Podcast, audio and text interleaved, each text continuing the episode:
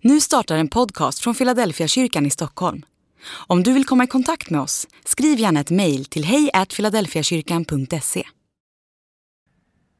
Varmt välkommen till Philadelphia Bibel och det tredje bibelstudiet av åtta om Johannesevangeliet. Vi kommer inte att, ta alla texter som finns i Johannes utan det blir några valda texter. Och idag ska jag ta dig med till kapitel 7, så ska vi läsa det tillsammans. Men innan vi börjar läsa så skulle jag bara vilja uppmuntra dig att skriva i chatten varifrån du finns med och tittar. Och kom ihåg, du kan skriva frågor, funderingar i chatten när du nu tittar live, så ska vi försöka besvara dina frågor. Och de frågor vi får in kommer vi också kunna skicka in eller besvara på frågor och svar på Philadelphias hemsida. Så än en gång, varmt välkommen. Men nu ger vi oss in och läser i Johannes kapitel 7. Jag börjar ifrån vers 1. Sen vandrade Jesus omkring i Galileen. I Judeen ville han inte vandra eftersom judarna var ute efter att döda honom. Judarnas lövhyddofest närmade sig. Hans bröder sa då till honom Stanna inte här, utan gå till Judeen så att också dina lärjungar får se dina gärningar. Ingen verkar i skymundan om han vill bli allmänt känd. Om du gör sådana ting, visa dig då för världen. Inte heller hans bröder trodde på honom. Men Jesus sa till dem, min tid är ännu inte inne, men för er är det alltid rätt tid. Er kan världen inte hata, men mig hatar den, därför att jag vittnar om, dess gärn, om att dess gärningar är onda. Gå ni upp till högtiden. Jag gör det inte den här gången. Min tid är ännu inte inne. Det som är tydligt när man kommer till kapitel 7 i Johannesevangeliet är att uppfattningarna om Jesus börjar gå isär. Spänningen ökar. Och det sägs hela tiden, det ligger som en underström, att man är ute efter att döda Jesus. Man vill röja honom ur vägen. De första vi möter det är Jesu egna bröder. Vi är i hans familj. Och Detta är ju naturligtvis alltid intressant. Vi förstår ifrån evangeliernas berättelse att Jesus har både systrar och bröder och föräldrar. I det här sammanhanget sägs att hans bröder inte tror på honom. Men av den fortsatta berättelsen så anar vi att åtminstone en av hans bröder blir troende på Jesus som Herre och Frälsare och sen också församlingsledare i Jerusalem. Hans namn var Jakob. Om han finns med bland de här bröderna vet vi inte, men helt tydligt är det att hans egna bröder har en annan uppfattning om honom. De förstår honom inte. De tror inte. Det betyder inte att de aktivt motarbetar honom. Det är också viktigt att inse. Men de befinner sig i någon sorts frågoläge eller oklart läge. Vem, vem är du? Det jag bara vill att du ska notera i den här första delen av kapitel 7, det återkommer sen i kapitlet och det går som en röd tråd genom evangelierna, är när Jesus säger Min tid är ännu inte inne. Det var ju det han sa till sin mamma när hon bad honom göra det första undret i kanan, bröllopet, när han förvandlar 600 liter vatten till vin. Då säger han, min tid är ännu inte inne. Medan han samtidigt säger om bröderna, för er är det alltid rätt tid. Låt oss bara stanna vid de här bägge påståendena. För er är det alltid rätt tid, för mig är inte tiden inne. Vad är det Jesus talar om? Jo, men Jesus säger att i hans liv är den tidtabell som är avgörande Guds tidtabell. För honom handlar det inte om hans egen planering, hans egen agenda. Naturligtvis hade han ordning på tider och stunder och möten. Men det fanns en annan överordnad tidtabell som för Jesus var det avgörande. När är det Guds tid? Och så säger han till sina bröder, för er är det alltid rätt tid, för all tid är eran tid. Ni gör vad ni vill, hur ni vill, ni bestämmer ju allt själva. För mig är det avgörande att vara i Guds tidtabell. Och Det här är egentligen min första reflektion och fråga till dig. Hur tänker du om din tid? Jag inser att jag nog ganska ofta kvalificerar mig in bland Jesu bröder. För dig är det alltid rätt tid. Du, du, du styr din egen tid själv. Och samtidigt finns en stark önskan hos mig att hitta Guds tider och Guds timing i mitt liv. När Gud är det rätt tid? När ska jag göra detta? När vi tänker på Jesus så är det väl inte så svårt att förstå vad han egentligen menar. Han är på väg mot Jerusalem. Han vet att han ska dö och uppstå. Han har en sorts tydlig linje och han vet om den. Vart han är på väg, vad han ska göra och när det ska hända. Sanningen är att de flesta av oss, vi ser inte det så klart som Jesus. Ändå vill jag påstå att det finns en Guds tid också i ditt liv. Det gör det för mitt liv, det gör det för alla. Det viktiga är ju att bara försöka lyssna in, känna in, förstå. När Gud är det rätt tid? Första frågan när man läser Johannes kapitel 7, det är är vi som bröderna eller är vi som Jesus? Är det alltid rätt tid? För vi bestämmer ju alltid allting själva. Eller finns det Guds tider i våra liv? I, i eh, Lukas kapitel 19 så, så berättar Lukas med stor inlevelse om hur Jesus rider in i Jerusalem för sista gången. Och när han ser staden så berättar Lukas att han börjar gråta. Och så säger Jesus, om till Jerusalem, till staden, om du ändå hade förstått att tiden var inne för Guds besök. Men nu är det fördolt för dig. Det är som att Jesus på lite olika sätt ändå vill få oss att förstå att det finns en sorts Guds tidtabell i våra liv, eller en sorts Guds tider i våra liv. All tid är inte exakt likadan.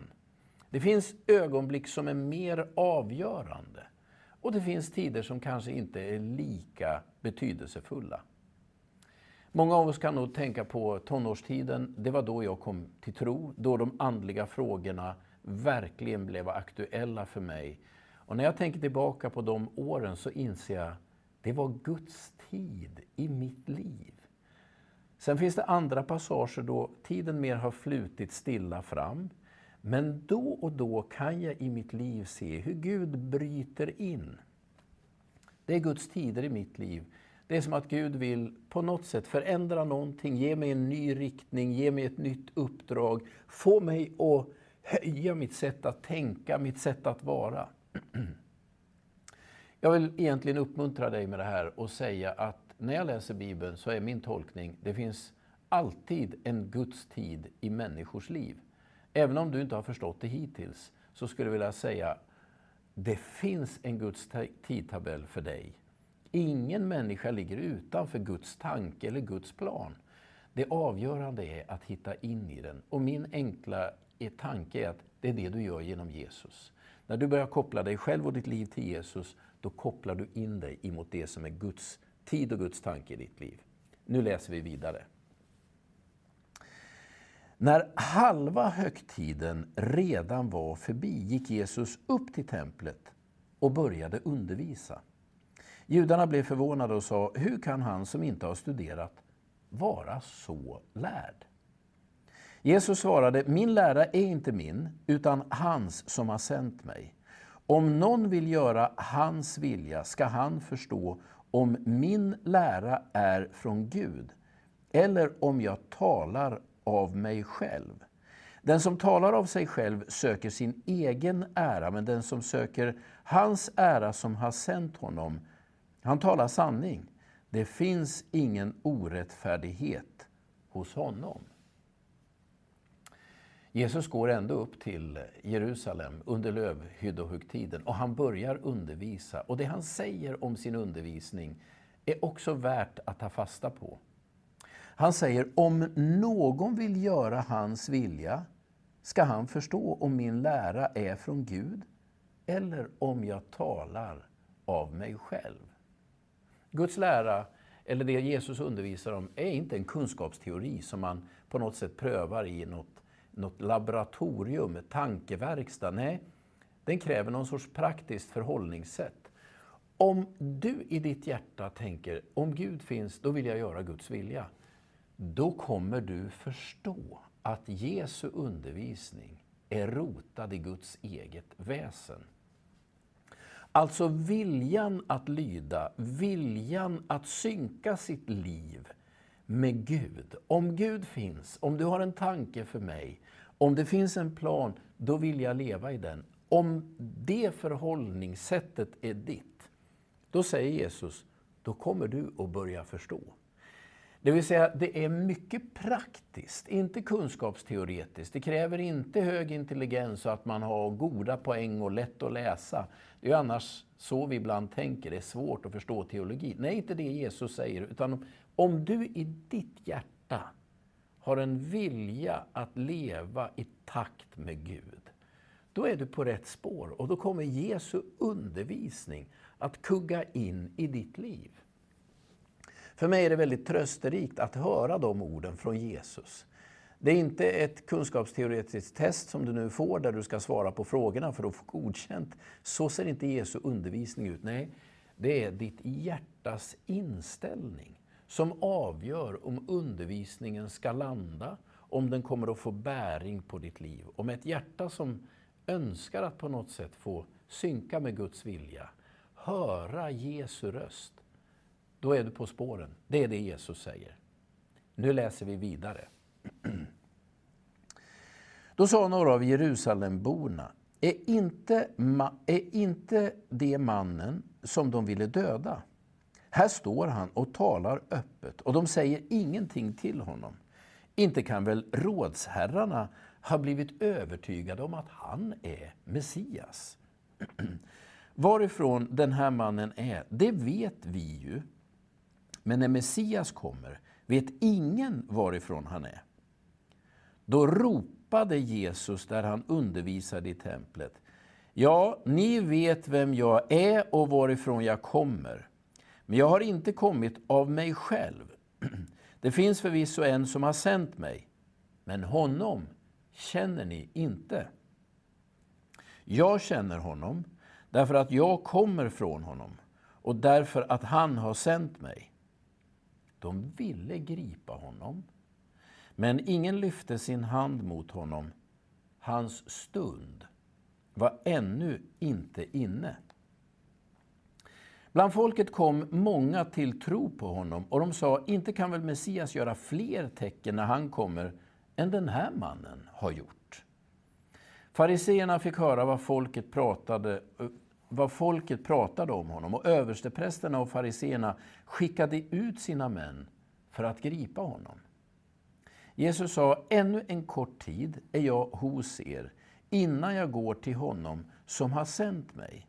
Ni kommer att söka efter mig men inte finna mig och där jag är, dit kan ni inte komma.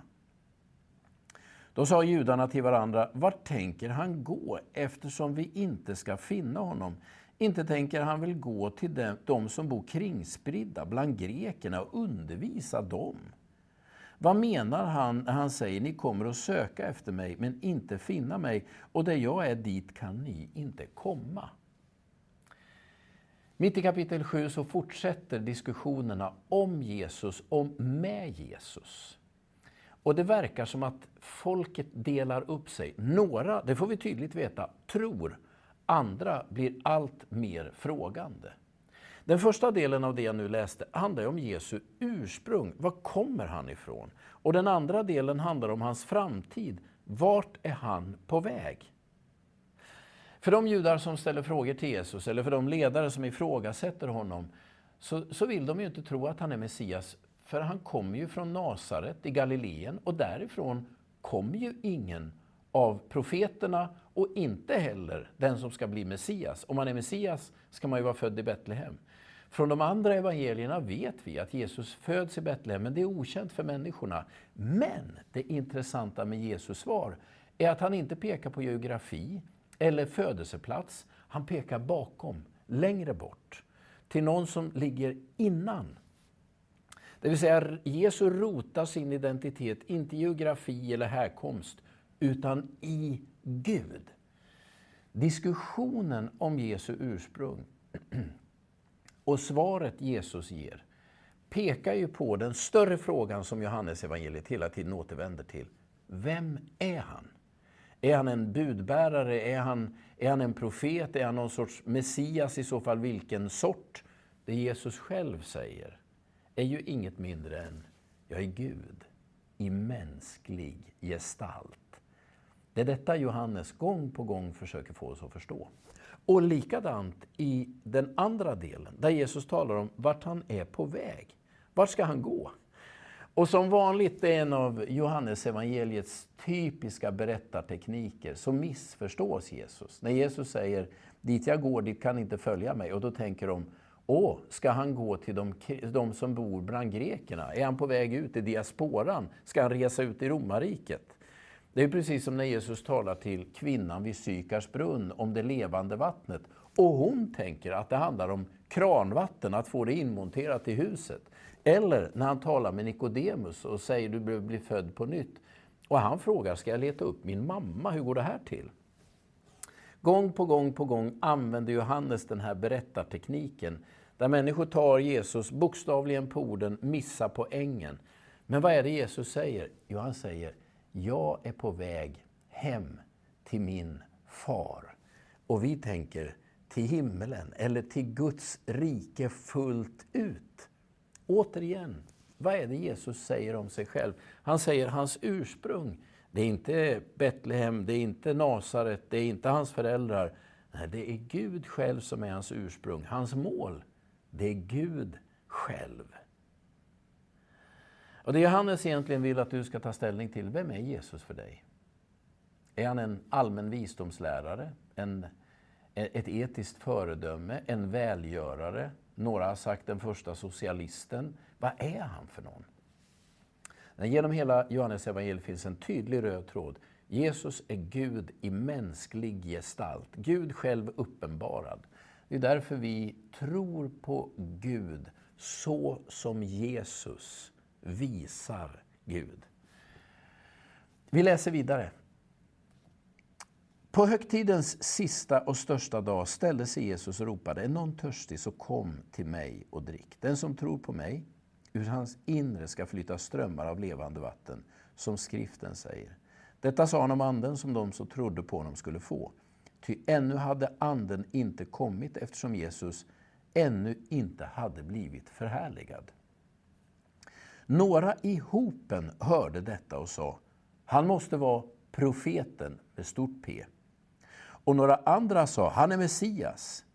Men andra sa, inte kommer väl Messias från Galileen? Säger inte skriften att Messias ska vara av Davids ett och komma från Betlehem, byn där David bodde? Så blev hopen oenig om honom. Några ville gripa honom, men ingen lyfte sin hand mot honom. Det Johannes berättar är att här skiktade sig mellan människor. Hela kapitel 7 är tydligt och evangeliet i stort är tydligt. Mellan de som lutar mot att tro, de som är tveksamma och osäkra och har olika förslag de som inte tror, men inte egentligen är motståndare, och de som är direkt fientliga. Och tanken när man läser det här, åtminstone som jag förstår det, är att du ska kunna identifiera dig själv i den här åhörarskaran. Vem är Jesus för mig? Vem i den här gruppen hör jag hemma hos? Är jag som bröderna? Är jag som någon i hopen som ändå säger, det är klart han är profet eller Messias. Eller är jag ibland direkt fientlig? Var står du någonstans? Det är detta Johannes med sitt evangelium vill att du ska ta ställning till. Så vem är Jesus? Gud i mänsklig gestalt, som kommer från Gud, är här bland oss på riktigt och sen går tillbaka till Fadern. Det är Jesus. Vad är hans erbjudande? Är du törstig?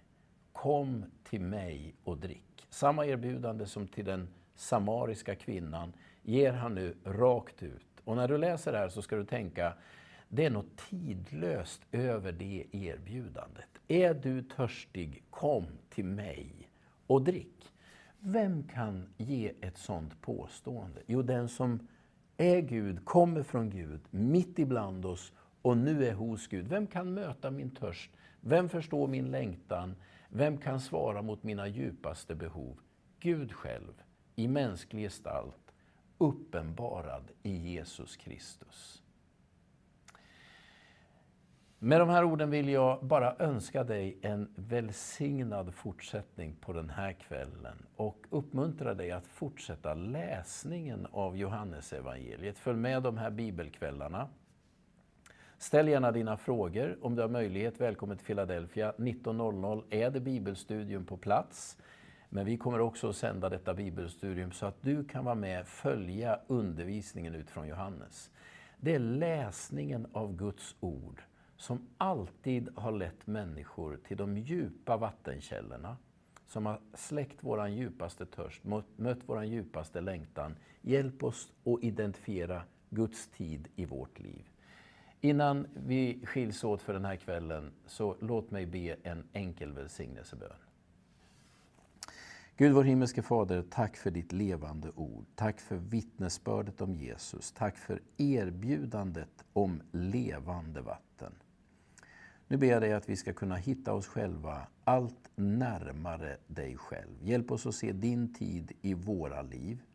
Hjälp oss att känna igen Jesus som din röst, som ditt ansikte. Tack för att du har uppenbarat dig själv, ditt eviga väsen, i Jesus från Nasaret. Tack för att vi får bekänna honom som Herre och Frälsare.